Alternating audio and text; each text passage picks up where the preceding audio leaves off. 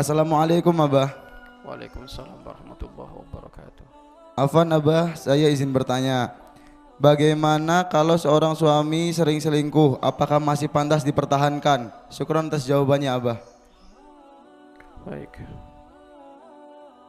Kalau kita berbicara selingkuh, kita harus tahu perselingkuhan itu apa. Perselingkuhan itu adalah menuduh suami berbuat sesuatu yang melanggar syariat, yakni perzinaan.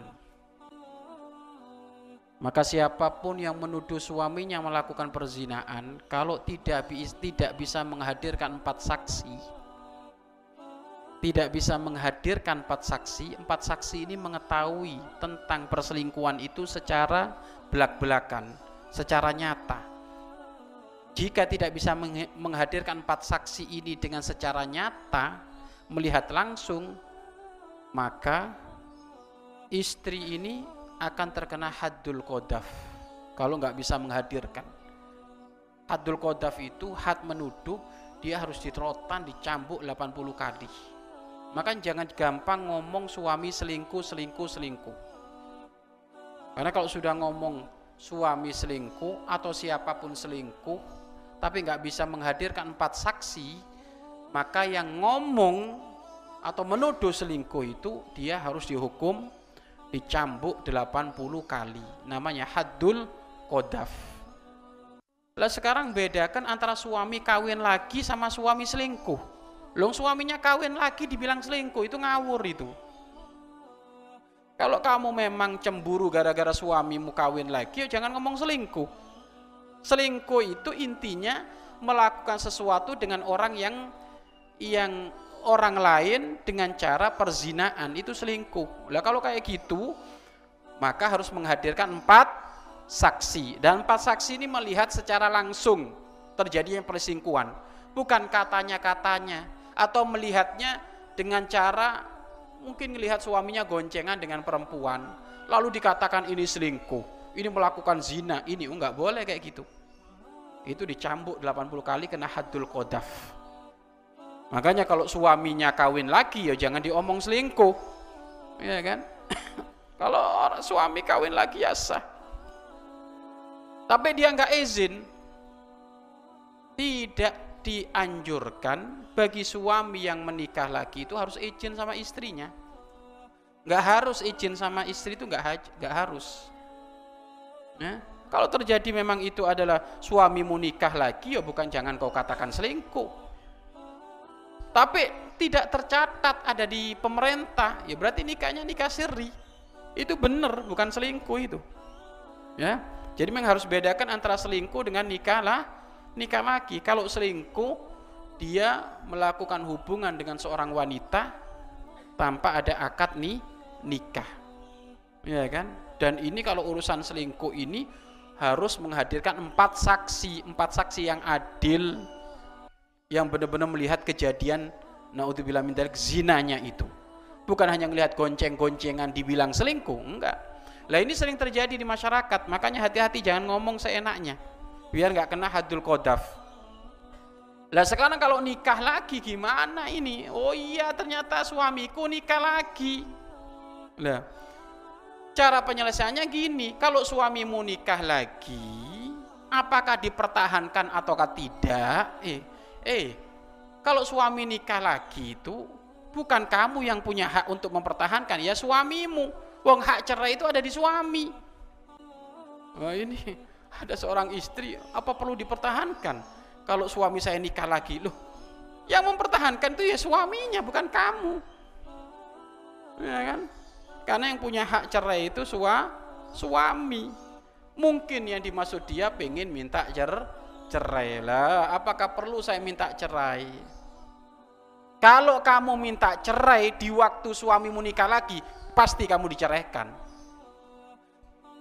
gitu. Kenapa? Suamimu itu lagi seneng sama istri yang pertama. Oh, istri yang yang kedua, istri mudanya. Iya, kok kamu minta cerai? Ya dicerai bener kamu, nangis nanti kamu.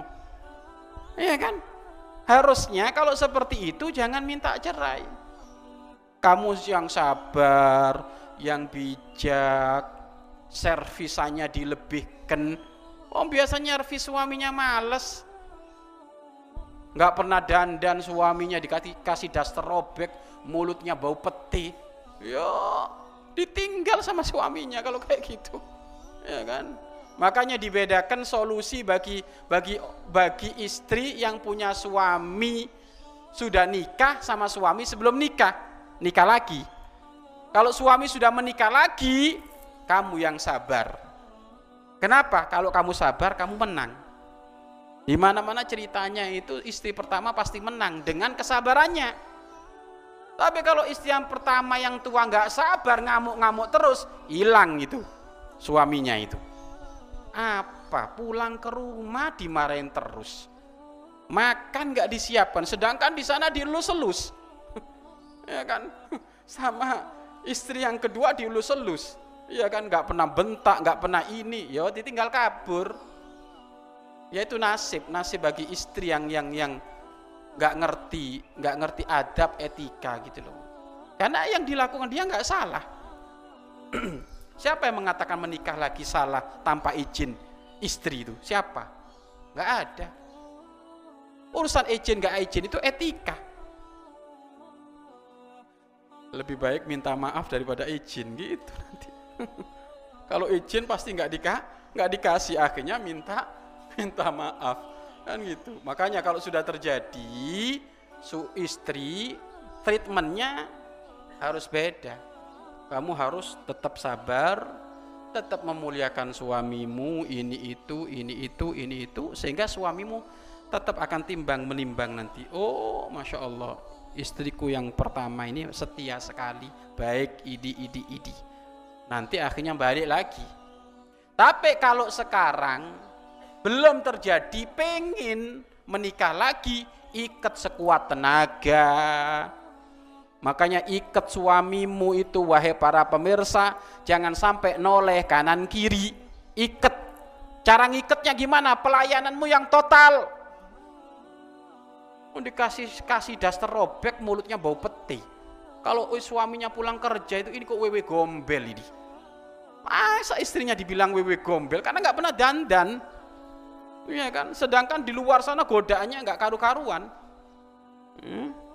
Idi. Namun sisi lain menikah lagi itu bukan guyonan. Ya, beban yang sangat berat. Menikah satu aja hukumnya bisa halal haram. Ya, apalagi menikah lebih dari satu. Jadi ini jangan jangan jangan guyonan urusan ini. Ya, walaupun memang di dalam Islam diperkenankan menikahlah menikah lagi yang menentang poligami menentang syariat Islam nggak boleh kalau ada seorang seorang suami kalau ada seorang istri menentang menentang